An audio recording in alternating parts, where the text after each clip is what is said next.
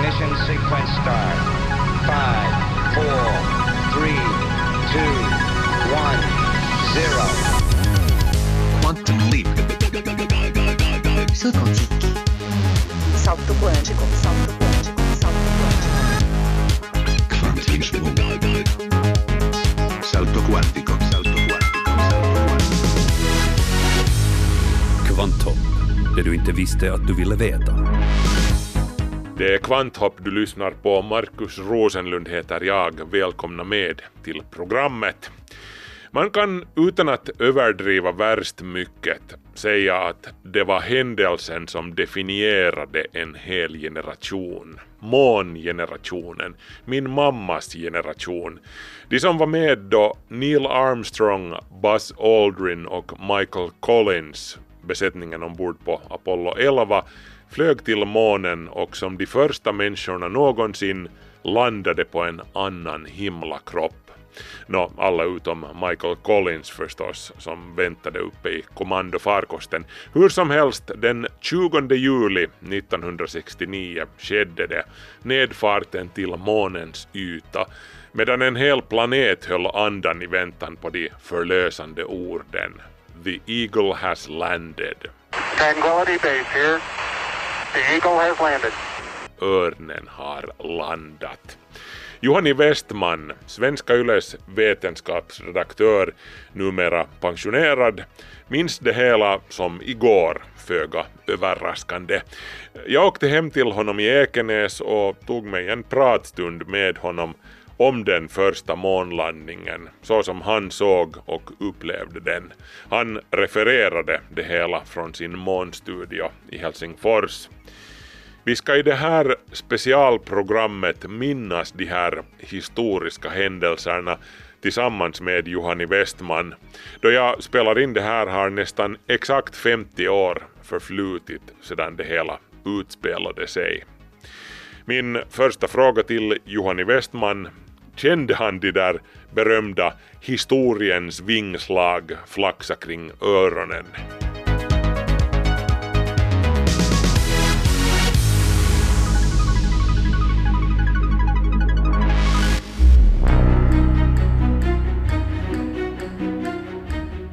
Nu flaxade äh, ju på. Det där, kollegorna tyckte att jag skulle ta det lite lugnt förstås. Själv var man ju inte entusiastisk nog. Alltså. Det börjar nog kännas sådär att vad är det den där Columbus håller på med där nere i hamnen? lite sån känsla var det.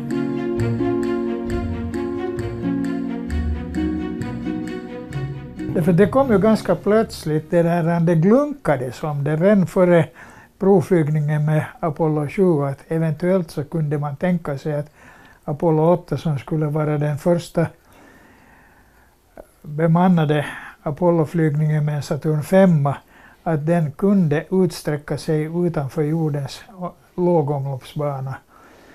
Apollo 7 sändes upp med en Saturn 1B och det där var bara en två veckors prov, provflygning i låg omloppsbana.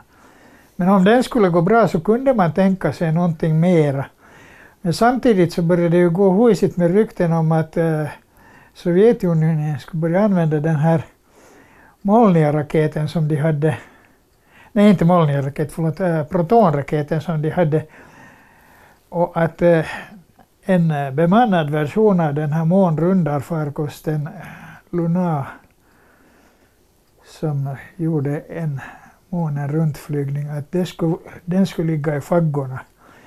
Och det har ju sedermera bekräftats att jo, så var det ju faktiskt att de, att de, satsade, de bespetsade sig på att göra en sån flygning under 1968. Men hur det nu var så blev det ju aldrig av, av många olika rutiga och randiga skäl. Medan Apollo däremot eh, var ett eh, svar på det skrämskottet och, och så eftersom Apollo 20 lyckades bra så offentliggjordes det nästan med samma då på hösten att Apollo 8 far runt månen. Mm. Och det var sådär jaha. det var ju intressant det där att eh, där, där har vi lite, lite problem som de tänker lösa genom att spåra den där farkosten. För det hade ju visat sig med Lunar Orbiter sonderna att uh, månens gravitationsfält var väldigt ojämnt och att det skulle bli lite besvärligt att spåra en rymdfarkost som låg i omloppsbana runt månen. Och det där kunde behöva skötas lite noggrannare. Så det var ju bra att skicka dit en, en bemannad Apollo som kunde genomföra en sån flygning och spåra så själv öva navigation och ditten och dattan. Ja. Apollo 8 var ju, jag menar, 11 sägs ju vara den där stora, förstås, kulminationen på det hela och det, den här mest historiska flygningen när man landade på månen. Så här, men, men åttan var ju på sätt och vis till och med mera historisk i och med att det var första gången som människan lämnade jordens låga omloppsbana och begav sig till en annan himlakropp. Ja, man kan ju säga att det var första gången som människan uppnådde flykthastighet för skillnaden i den lägsta tänkbara fly, flyghastigheten i omloppsbana som för runt månen och en bana som skulle föra förbi månen med flykthastighet från jorden. Så den är så himla liten att det är nog egentligen hur navigatören beslutar att hur lång tid ska vi låta det ta att flyga ut till månen eller inte. Om han flyger under, under 100 timmar eller så där så då är han ännu i omloppsbana runt jorden och flyger han med runt 40, 40 timmar så är han definitivt flykthastighet. Och de valde ju att flyga någonting däremellan. Skillnaden är ju så himla liten, det är bara några meter i sekunden. Och det fanns ju hela tiden den där lilla risken att, att missar de, kommer de in för hårt, för fort, slungas de tillbaka ut i rymden och förloras för, för alltid. No, det allra första var ju det att eh, skulle de, skulle de nå månen så pass precis att deras, deras eh, bromsmotor skulle räcka till att stoppa upp deras höga fart och, och det där, eh, få, låta månens gravitation fånga in dem i omloppsbanan. No, den kraften fanns ju till och med med råge för den, där, för den här Apollo Service-modulen. Den, hade, den var ju konstruerad för att kunna lyfta från månens yta ifall det skulle behövts. Så att där fanns ju kraft nog för både inbromsningar och, och återfärd. Sen det, det var det första steget, att komma, komma runt i banan runt månen. Det andra steget var att komma därifrån igen och- i en så pass noggrann bana att man faktiskt, som du säger, kom in i rätt vinkel i jordatmosfären. Där var marginalen oerhört smal. Det har ju sagts att det var som att, att kasta in ett brev i ett brevlåda från eh, hundratusen 100 000 kilometers avstånd. Lite i den storleksordningen. Det var, det var och är alldeles oerhört det där eh, små marginaler där. Men det bevisar ju att de hade kommit rätt så långt med navigationssystemet redan då.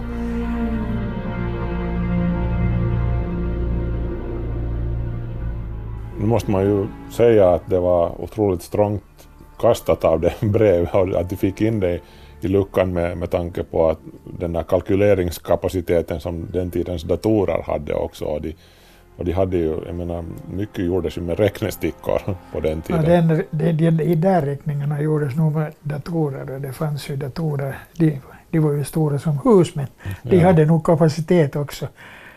Men ombord på Apollo så, så hade de ju inte De mycket behövde inte... s- För, där fanns en, lit, en liten navigationsdator. En i, i servicemodulen och en, en i den där landarmodulen. De var ungefär likadana.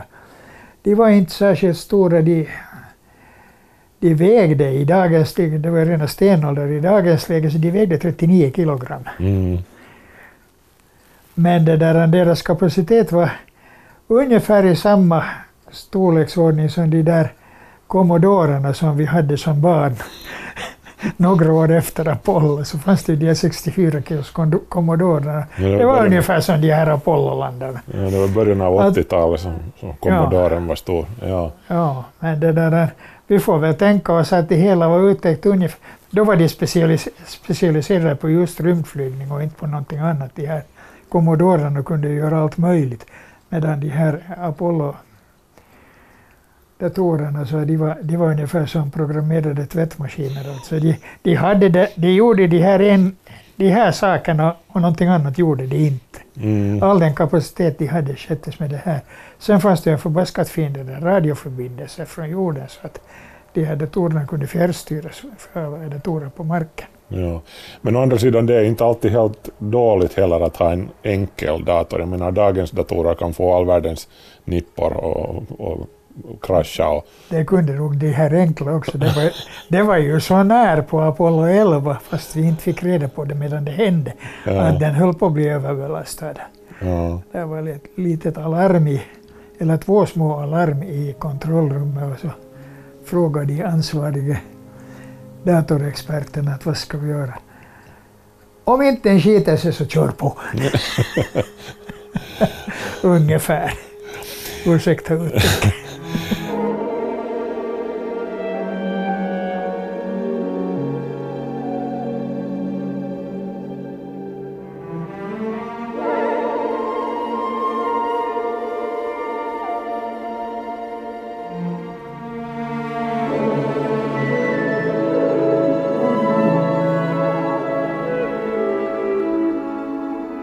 Men om vi går till den där själva stunden då som vi nu firar 50-årsjubileet av.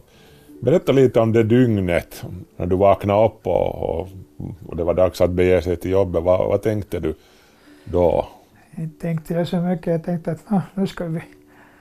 Jag visste att de ju var på väg för jag hade ju redan gjort en direktsändning på själva starten. Mm. Men där, där var ju den här, det här slagordet. Jaha, Columbus har lätta tankar. Nej, Ja. det, var, det var faktiskt, jag sa det faktiskt. Och, och det där, um, man visste ju om att det kom och, det var bara att det var bara att ge sig iväg på jobb. Jag bodde på den tiden på Lönnrotsgatan så att det var ganska skönt att traska till jobbet den vackra sommarmorgonen. Och, eller sommarförmiddag var det vid det laget.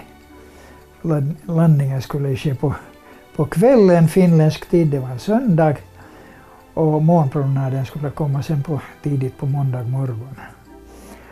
Och det var solsken och vackert väder och Finlands folk befann sig ute på stugorna och TV hade nog bullat upp alldeles otroligt. Friberg, Rolf Friberg alltså som var nyhetschef på TV så hade ju ett enormt team sammankopplat till den så kallade månstudion. Och det där, jag hade också en månstudio, det var, nu, det var, det var ettan på Fabiansgatan.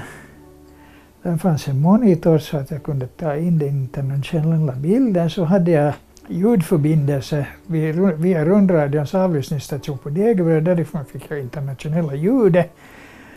Och så hade jag Markus Fågelholm och Sven Strandén som medhjälpare och sen hade jag vårt team med alldeles underbara tekniker som vi hade på det, ljudtekniker som vi hade på den tiden på rundradion. Och, de slogs ju sinsemellan om vem som fick vara med sen när det begav sig med månlandningen. Ena flickorna sa att jag har suttit här så här länge, nu tänker jag sitta tillbaka till slut. Och nu talar vi just om radiostudion. I talar om radiostudion. Ja. Hur länge sände ni allt som allt där? Nå, jag skrev en arbetsdag på 40 timmar. Okej. Jag var nog på dass emellanåt. A rat done bit my sister now with Whitey on the moon. Her face and arms begin to swell, and Whitey's on the moon. I can't pay no doctor bills, but Whitey's on the moon. Och, och, och vad, vad tittade ni? Hade ni någon TV som ni tittade på vad som, Som hände? jag sa, den där monitorn Ja. Med internationella bilden och där fanns ju ingenting att se. Mm. Så vad gjorde ni sen när de stod Men där? jag hade ju ljud. Ja. Och där, därifrån fick man ju höra var de var och vad som höll på att hända. Så satt jag med en räknesticka och filade på att vad de där händerna och fötterna och nautiska milen och, och, och tummarna och punden nu igen kunde bli på i civiliserade mått. Översatte från 1700-talet till 1900-talet. Mm. Och berättade för lyssnarna hur, hur mycket som var kvar. Och,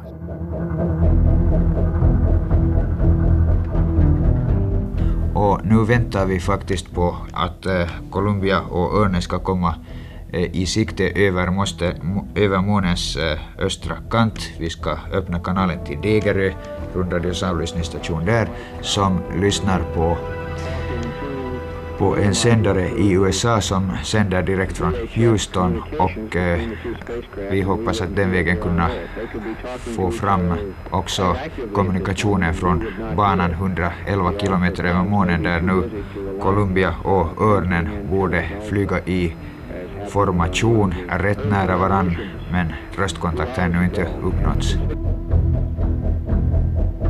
Så det är ett stoppur som jag startade när de startade. Jag visste ungefär hur mycket drivmedel det fanns. Det fanns för 12,5 minuter.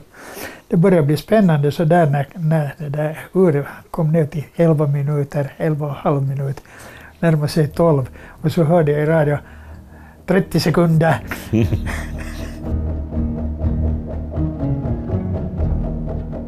och samtidigt sitter Aldrin där och mässar att jag 30 fot, 20 fot, Fem fot, driver lite, två fot. Och sen kom det kontaktljus. Och sen kom det där förlösande. Tranquility Base here, the Eagles landed. Lights on. Forward. Forward. 40 feet down, two and a half. Picking up some dust. Great shadow. Four forward, drifting into the right a little. 30 seconds forward. Drift. Contact light. Okay, engine stop.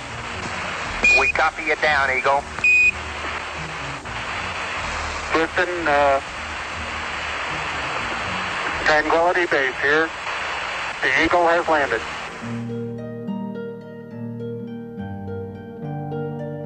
Det var en sån överenskommen kod som de hade kommit underfund med. Att de skulle säga om landningen gick bra och att de kunde stå på månen. Mm. De skulle inte säga att allt är bra och ditten och datten. utan De sa bara att tranquility, tranquility base here, the Eagles landed. Mm. Och så svarar markkontrollen då sen att jo, att vi noterar ni är nere, tack för det. Här sitter ett helt gäng blåa i ansiktet, nu kan vi andas igen. Och då, jag sa inte det själv, men då tänkte jag, det kan jag också, tack bara. för jag hade nog magen alldeles låst också. Den där, den där landningen var outsägligt spännande, för han drog ju den lite lång Mm. för att inte landa i den där stenkassan Ja. som det sedermera visade sig att han styrdes ner på. Dessutom var det, var det då så att eh, månens gravitationsfält var så illa känt nu under Apollo 11 att den gick 5-6 kilometer för långt Mm. från nollpunkten. Ja. Och det var ingenting de kunde göra, det, det var dit den hamnade. Ja. Och Ja. den landades ju för hand. Ja. Alltså Armstrong slog ju av det här, av det här eh, kontrollen och, och lämnade, la bara på det där höjd, höjdautomatiken och styrde fram och tillbaka själv. Han var nog en av världens bästa piloter. Mm. Uppstod det spontana applåder och tjoanden i kontrollrummet eller i s- Jag själva tittade inte så studion? noga efter. Men, så, att ju, så var det ju liksom att vara på helspänn att vad säger de nu då?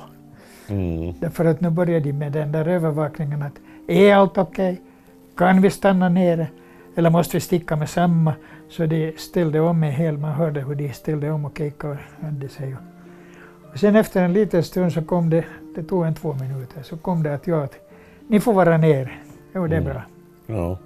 Och så kom Armstrong där att jo, att ni kanske tyckte att den där ni kanske tyckte att den där finalen blev lite lång och det blev den därför att vi höll på att fara rakt ner i en stenkassa och jag måste styra över.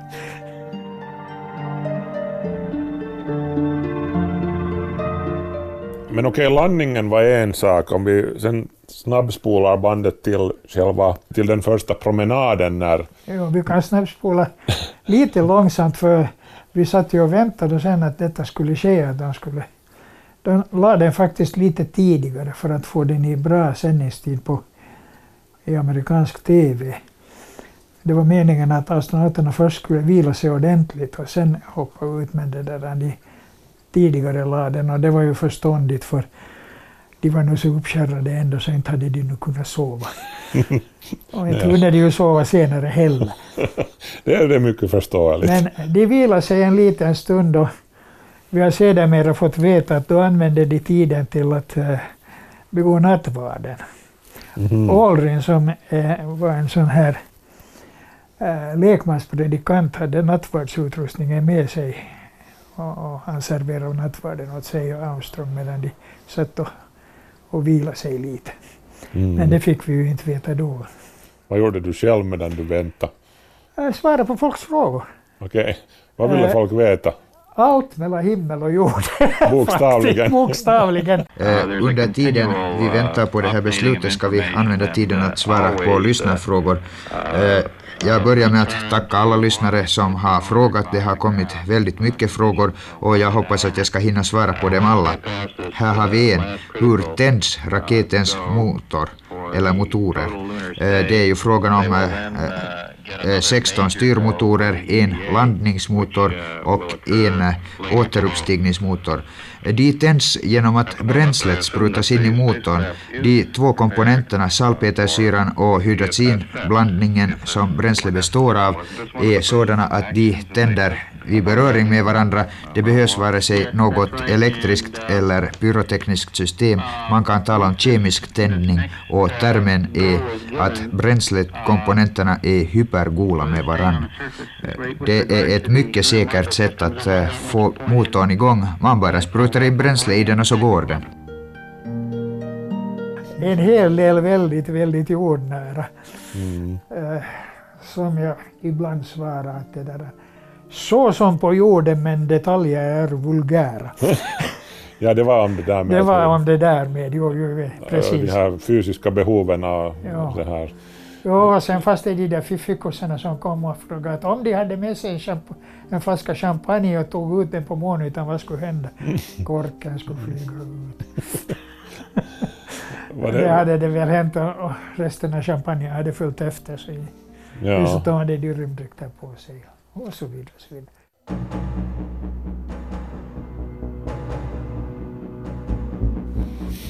Om vi nu tittar tillbaka på stunden då, då det hände det där själva det första steget på månen, Neil Armstrong och hans berömda bevingade Alltså, Ord. Språkfel. Ja, precis. ja. det, det också. Så, så vad minns du av, av den stunden? Vad hände just då i din studio? I min studio, hände det att jag satt och tittade på den där monitorn och så såg man den där suddiga bilden som först var upp och ner och så vred de den på rätt och så visade de hur, hur han steg ut och så sa, först sa han det är dammigt här och då sa jag att det Armstrong säger det är dammigt här och just då smällde han ut den där.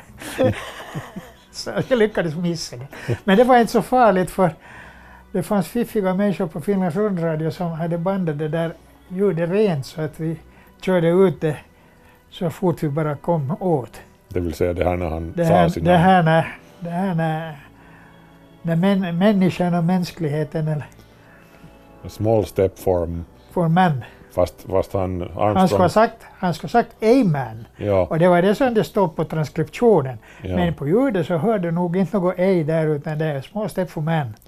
Fast han har ju själv sagt att, att han sa nog äh, man, men att det har drunknat i radiobruset eller någonting. Vad tror du om den tolkningen? Det är en bra förklaring. Lika bra förklaring som min att det var så dammigt på. Jag tyckte, det var det första han sa när han satte ner foten. det var faktiskt det första han sa. Ja, That's one small step for man, one giant leap for mankind. Oh, that looks beautiful from here, Neil. It has a stark beauty all its own. It's uh, like mu- much of the high desert of uh, the United States. It's uh, different, but it's very pretty out here.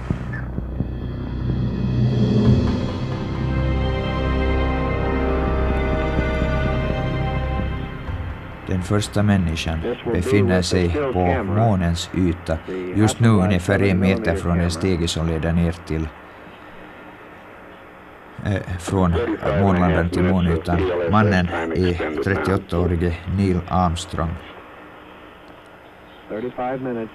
civil befälhavare för Apollo 11-flygningen, före detta raketplanspilot och Gemini-flygare. Han har gjort en nödlandning från rymden. Man får hoppas att den här flygningen inte slutar med en sådan. Det är ett stort ögonblick för Neil Armstrong, det är ett stort ögonblick för USA och det är att hoppas att det blir ett stort ögonblick i historisk belysning för hela världen. Detta ögonblick då människan för första gången står på en annan himlakroppsyta och eh, för första gången på nära håll kan studera en främmande värld. En öde värld där det enda man ser är kratrar, låga kratrar och stenblock och det enda man ser på himlen är sol och jord. Stjärnor ser Armstrong inte eftersom månytan är så pass ljus att hans ögon har ställt sig in på detta ljus inte på stjärnorna.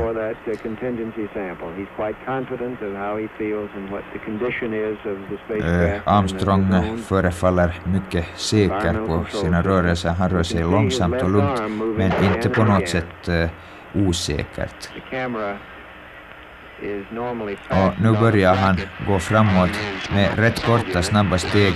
Han är nu ungefär två och en halv, tre meter från, från äh, det ställe där han steg ner på månen och kommer mot själva kameran, den TV-kamera som han nu har placerat på månytan och försvinner ur TV-bilden.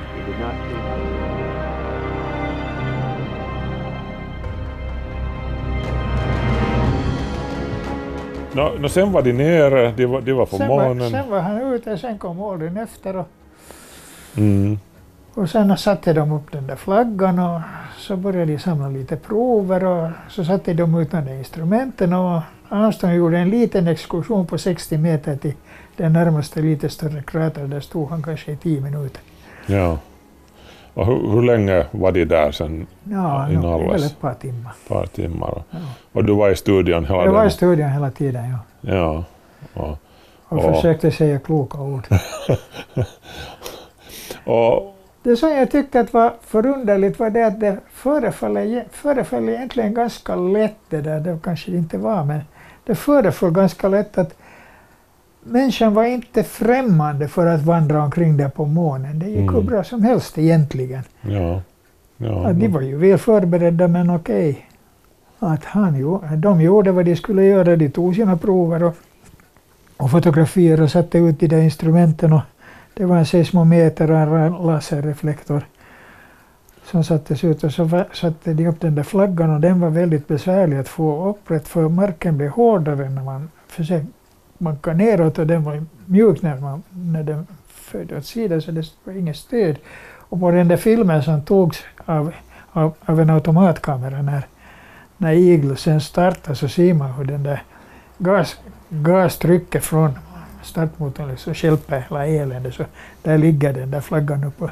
Mm. Men till exempel den där... Den ligger i gott sällskap, jag ska inte säga vad det finns men det finns ett par påsar. Så. ja, ja. För någonstans måste de ju De, spola. släng, de slängde ut den, ja. Ja, ja. Men till exempel den där, den där reflektorn, eller det finns ju flera faktiskt Ja, men den här reflektorn, den, den sattes ut och den funkar. Den var ju en passiv reflektor så den fungerar hur bra som helst. Och den finns där ännu i denna dag. Den finns där och den där seismometern som var där, den fungerar nog en, den fungerar en tid den också. Så att Mm. Ja, det här är ju ett annat den, bör, den började ju fungera omedelbart den sattes upp så den, det första den mätte var astronauternas steg på månytan. Ja, ja, Tjump, precis. tjump, tjump. Ja. Men, men jag menar, de, de som ännu betvivlar månlandningarna, så, så de här reflektorerna, om, om man har en tillräckligt stor laser så kan man ju gå ut och lysa på dem och det, Ja, och se ja de åter kommer tillbaka de där. Ja.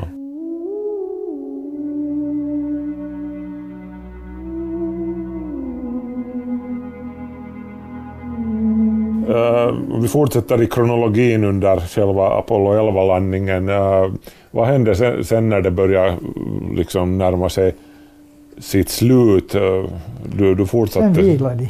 Ja. Och sen vil, då vilade jag också. Gick, på, eh, gick och gjorde vad man nu gör och drack lite kaffe och åt lite smörgåsar.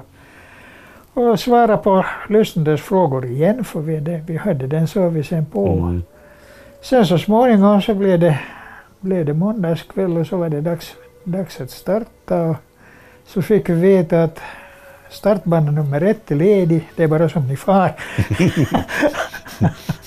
och så, så kom det nedräkning, det där Aldrin räknade ner. Alltså fem, fyra, tre, knapptryckning, knapptryckning, knapptryckning, noll. Och nu var vi. Ja. Och det var det nästan. Uh, nå, sen var de på väg hem. Va? Ja, sen skulle, de, sen skulle de naturligtvis möta den här, den här Ja, precis när, när de landade i Äh. Stilla havet. Ja, de skulle möta sin returfarkost först som var i banan. Ja, det är precis- Och. Collins, så han Ja. suttit där. Ja, Han, han som fick flyga 99 procent av vägen. ja. Och, Och han, som, var, och han som skrev den bästa boken om alltihop. ja, Den är alldeles utmärkt. och det var ju ett spänningsmoment det också förstås. Ja, det var det. Ja. Men vad tänkte du själv sen när, sen när de var på väg hemåt och när, när, när det var klart att okej, det här gick som det skulle, det var en succé, man kan andas ut nu och vad, Ja, nu, nu är det bara att vänta på nedsättningen och det, då har jag så pass mycket tid att jag hinner hem och sova. precis, Och så gick jag hem till Lönnrotsgatan och då hade ju mellanölet blivit fritt. Så jag tänkte att nu firar vi det här. Jag gick till min mjölkbutik som var i hörnet av det hus där jag bodde och inhandlade en säger och skriver en mellanöl. Den tog jag med mig, höll jag i handen och kommer upp till, upp till den där våningen och sätter mig i länsstol och korkar upp den där flischen. Och det följande jag minns var det att telefonen ringde och då hade jag suttit där i tre, fyra timmar. Och det var Ulla dåvarande Lind, eh, hon hette Eklund då för tiden, hon jobbade på Nya Pressen. Så ringde och ville intervjua och fråga hur jag mådde. Jag sa att jag mår pyrt och jag har inte fått sova. och där satt jag med den där varma ölen i handen. Som jag helt enkelt hade somnat ifrån. Det här är en Svenska Yle-podd det måste ju ha funnits då när Apollo 11 landade, så i det skedet måste man ju ännu ha trott att, att nu, att du, snart, bygga, snart kan vi åka på semester till månen och det, det var många som trodde det, ja, men liksom bland de som bland beslutsfattarna så var det nog helt klart att så där skulle det ju inte bli. mm, Och besvikelsen blev ju någorlunda stor, men där fanns ju det här söta pillret i USA skulle börja satsa på många gångers rymdfarkoster, den här, Mm. den sedermera så beramade skytteln. ja, Men, och då trodde ju alla att jaha, no, då, det är ju bra, då gör vi det på det viset då istället, så börjar vi flyga, flyga billigt till månen. mm, Men hur gick det med den saken? ja. Eh, just nu så är, finns det, är det ju populärt och modernt med all världens konspirationsteorier om att om att, att hände nu det här på riktigt eller inte. Kommer du ihåg när du satt där att, att det en endaste gång skulle ha slagit dig den här tanken att nej, men det här måste ju vara, kan ju vara fejkat? Nej, några sådana tankar hade jag överhuvudtaget inte. Hade pass noga. De här förberedelserna hade ju kontakter hitåt och ditåt. Och, och det där han visste vad de hade för sig. Ja, Det fanns nog alldeles oerhört skarpa, skarpa blickar riktade mot NASA och, mo- och mot all utrustning. det, det, Jag var ju sen över att titta på vad de hade, vad de hade det där, både i Houston och, och på Cape Canaveral och ett par år senare. Och, och med den utrustning som de hade så behövde de inte fuska. De, de lyckades säkert att det räckte alldeles bra att flyga till månen utan fejk. Ja, det var ju någon som har sagt att det skulle antagligen ha blivit dyrare och svårare att fejka det hela än att, att göra det på någon som har riktigt. sagt så talar säkert sanning. Plus att uh, ryssarna måste ju ha spårat Apollo Jo, också. de, de skulle ha skrikit med samma ifall någonting hade, Precis. hade varit above the board. Ja. Ryssarna bar sig väldigt, de var goda förlorare på sätt och vis. De följde med vad som hände och de gratulerade och inrättade genast, det finns kvar ännu, inrättade genast ett eh, muse, i museet i Kaluga där rymd, rymdålders fader Konstantin Eduardovich Tsiolkovskij bodde och levde. Så där finns ett rymdmuseum och i det så inrättade de genast en avdelning för Apollo 11 också. Mm. Ja. Och de bara skrev att ja, så här förverkliga amerikanerna Tsiolkovskijs dröm. Ja. Att så enkelt var det med det. Kvanthopp, det du inte visste att du ville veta. Där fanns ju sen följande roliga bit var ju den här att vad skulle de här proven visa? Mm. Och där hade man ju en inside i och med den här Hugo Birger som vi hade i Finland, vår månprofessor. Ja. Som, fick, som finländare fick det där, han fick kanske en 100 gram månprover. Och, så, och den vägen också hade han naturligtvis kontakt med alla, alla andra som, som gjorde jobbet och kunde sen då berätta här på god finlandssvenska vad, vad forskningen visste om månen. Ja. Och då fick vi ju veta alla de här spännande sakerna som att jo, att uppenbarligen är månen väldigt, månytans material väldigt gammalt. Och uppenbarligen så handlar det faktiskt om nedslag. Och att det är okej vulkanism, men det är vulkanism som är påverkat av nedslag. Både i stort och smått. Och månen är snustorr, det finns inget vatten alls. Och det är ju någonting som har hållit ända tills ända tills de senaste årtiondena då man har börjat hitta lite spår. Mm. Lite spår av någonting som folk tror att det är vatten. Vi får nu se vad det är sen. Och stora mängder det där inte, men det, där, det är nog inte ursprungligt vatten, det har kommit dit senare. Men den ursprungliga mån, det ursprungliga månmaterialet är snustort. Där finns inget vatten. Det finns inte något H2O. Inte som kristallvatten, inte som någonting alls. Mm. Och normal jordig betong skulle, om man hittade sådan på månen, vara en utmärkt vattenkälla. Okej. Ja. Ändå om de här 100 grammen månmaterial som han fick, så, så det där, du, du nämnde ett pris, ungefär ett värde på det här materialet. Inom. No, det kan man räkna ut för dåtida kostnader för Apollo-programmet, så som det offentliggjordes 1969, så var det 25 miljarder dollar. Mm. Och då kan vi räkna ut att nu var det nu, alltså de, de hade med sig ungefär en, vad var det nu de tog med sig? Ska vi säga att de hade med sig 25 kilo så blir det lättare att räkna. Mm. Så då blir ju kilopriset då en miljard dollar per kilo. och då får vi ju det till 100, 100 gram så får vi till 100 miljoner dollar. Så att, men det var så där att han sa, Hugo Birger satt och lekte med det där materialet. När han hade analyserat det färdigt så var det inte så mycket med det mera. Så satt hemma hos sig och lekte med det en gång när jag var där. Och det där, han, min fru var med. Han hade då analyserat fram äh, fått fram kalk, beståndsdelen. Han analyserade ut allt möjligt som fanns det. Med gammaldags kemiska metoder så fick han fram kalk. Och så frågade Raja att, men är det där samma slags kalk som man använder i dasset? Jo, sa Hugo Birger, det var lite dyrare.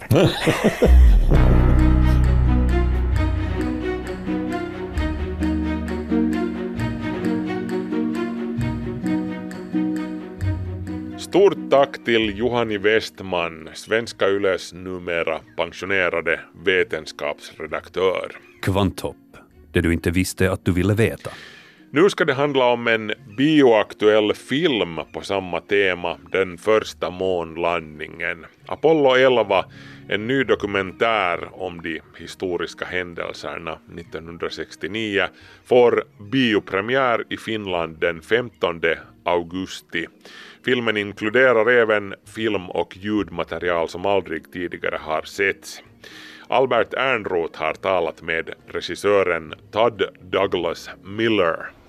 My kind of overarching edict to the team was that if it was a historically significant shot and it would move the story forward, I didn't care what quality it was in, we needed to use it because the lensing and the framing was always spot on and amazing. But certainly there's some shots that are almost unusable and underexposed, but I didn't care.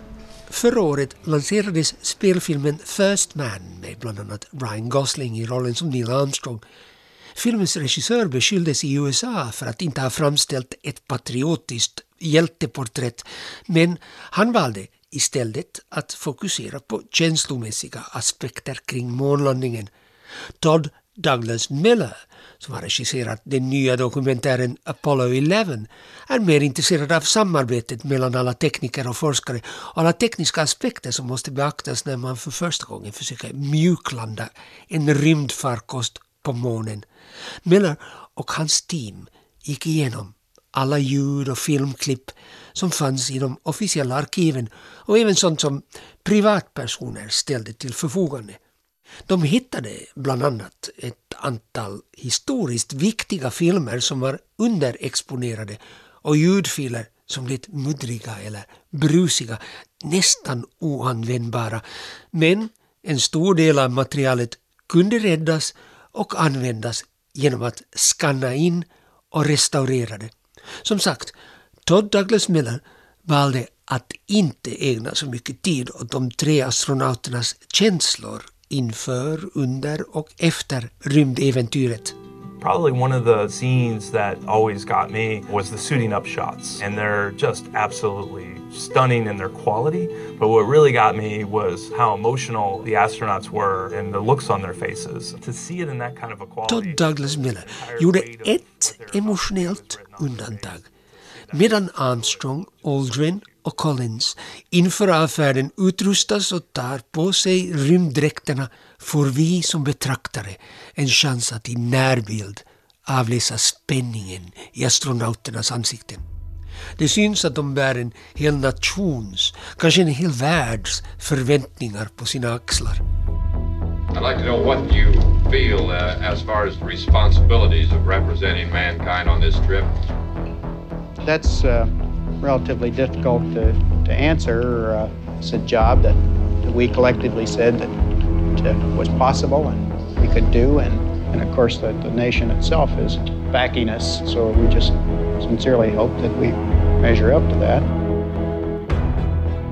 Todd Douglas Miller undviker i dokumentärfilmen talking heads, det vill säga experter eller astronauter som talar i bild. Han använder inte heller voiceovers, alltså berättarröster. Han väljer att inte anlita dessa lite slöa berättartekniker och begränsar sig själv medvetet genom att huvudsakligen utnyttja material som spelades in under de i princip nio dagarna som Apollo 11-uppdraget varade. Märk väl, själva färden pågick under åtta dagar och tre timmar, men Miller dagen innan uppskjutningen. NASA at the time had actually documented the early Apollo program, even dating back to uh, some of the later Gemini missions, with these large format cameras through Technicolor that had a lab down there. And uh, so there was two cameramen in particular that were really documenting a lot of that stuff. So on some reels we would have like the launch of Apollo 11, and then you would have right shortly thereafter the rollout of Apollo 12. Uh, it just goes to show you what a short amount of time all these Apollo missions happened in, you know, from really 68, tail end of 68 to 72. NASA introducerade 1965 det bemannade Gemini, rymdprogrammet, och började småningom anlita sina egna kameramän. I januari 1967 förbereddes den första Apollo-rymdfärden, men astronauterna brann inne i kommandomodulen under ett förberedande test. Efter två testuppskjutningar utan astronauter fortsatte Apollo-programmet i obeveklig takt. Apollo 7, 8, 9 och 10 var bemannade och sköts upp från Kennedy Space Center mellan oktober 1968 och maj 69. NASA fick en chans att testa omloppsbanan kring månen och kameramännen blev också rutinerade.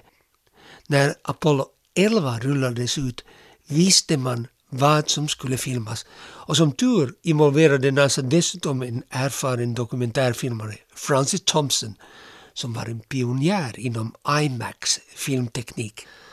IMAX filmades alltid på 70 mm film, vilket ger en bättre upplösning än traditionella format som 35 och 16 mm. Bilderna blir otroligt stabila och knivskarpa och fungerar därför utmärkt på en enorm filmduk. Where we really got lucky was on Apollo 11, the production of Moonwalk 1 was happening. So Jillian Shear, the PR director at NASA, had worked with the Francis Thompson Company, New York based. Francis Thompson himself was going to direct it. Uh, funding kind of Francis Thompson överlät regiarbetet åt Theo Kamiki. Han fick tillträde till ställen som tidigare endast hade varit tillgängliga för NASAs personal som Mission Control Center i Houston och Launch Control vid Kennedy Space Center i Florida där den tekniska ledningen satt. Dokumentärfilmen Moonwalk One kom ut två år efter månlandningen och vann ett pris vid filmfestivalen i Cannes. Men allmänheten hade tröttnat på månlandningar. Och dokumentären ignorerades helt oförtjänt i flera tiotals år. Idag betraktas Moonwalk One som en kultfilm och man kan hitta den på Youtube. They shot primarily at the launch. They did do some shooting in mission control, and the they didn't do the recovery operations, but the NASA guys did. Theo Kamekis team var inte på plats när astronauterna blev upplockade ur Stilla havet av hangarfartyget USS Hornet. Som tur skötte NASA den biten. Nackdelen med 70 40 mm film, alltså IMAX-formatet, är att man måste bära på en enorm och otymplig filmkamera. Men Kameki lyckades locka ett antal av den tidens mest begåvade filmfotografer till Florida. Och en av dem hette Jerry Sopanen. Some of the best cinematography in the film was done with a Finnish uh, cinematographer.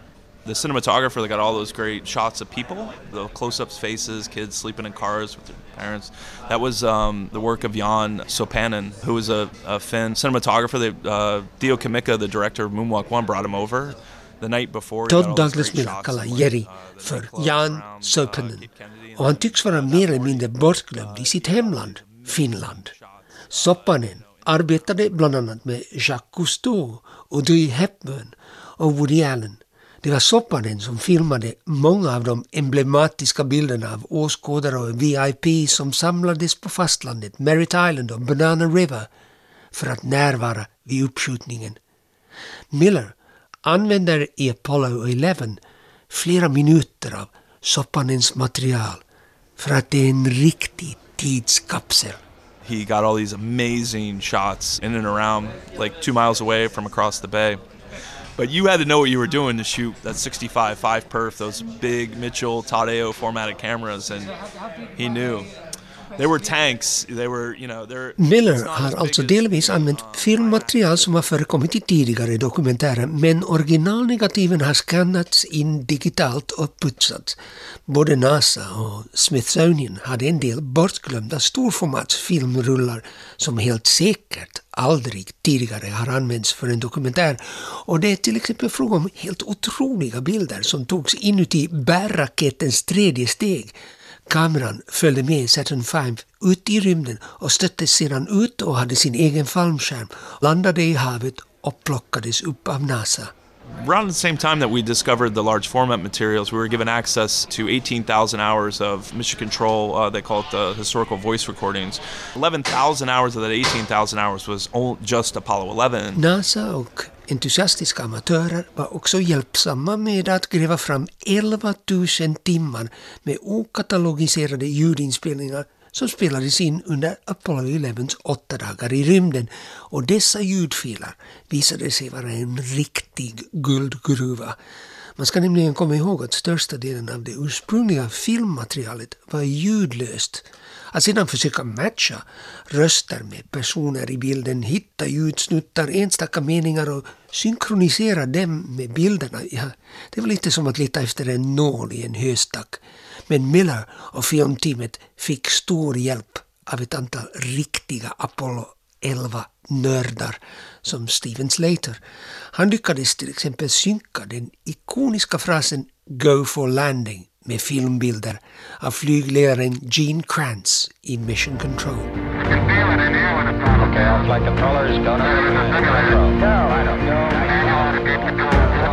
Go. Go. Econ, go. Surgeon, go. Captain Onward, go for landing. Here, go for landing, over. Roger, go for landing. Miller och hans team gjorde också stor möda för att försöka återskapa det öronbedövande ljudet av en Saturn V-raket som skjuts upp. Bilderna av Saturn V, den kraftfullaste raketen som någonsin byggts, som bokstavligen rullas fram till uppskjutningsplattformen på en så kallad crawler, är truly awesome.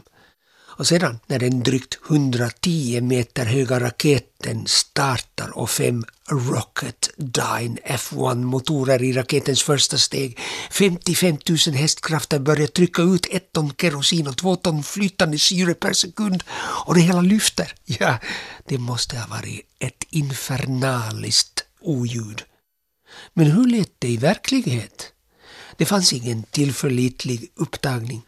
Millers ljudtekniker Eric Milano försökte återskapa bullret och det lågfrekventa mullret var inte så svårt att reproducera men folk mindes att det högfrekventa ljudet påminde om popcorn som poppar och studsar. Miller spelade upp det konstruerade raketljudet för Apollo 11s astronaut Mike Collins och frågade honom om Eric Milano hade lyckats återge det kraftfulla soundet. You know, we asked Mike Collins, you know, is that what it sounded like? Like, how the hell should I know? I was on the inside. Hur i helvete ska jag veta hur det lät? Jag befann mig på insidan, svarade Mike Collins. Albert Ernroth var det som hade talat med Todd Douglas Miller, regissör för den nya Apollo 11-dokumentären. Markus Rosenlund heter jag. Du har hört Kvanthopps Apollo 11 specialprogram som nu är slut. Ha det bra, vi hörs, hej så länge.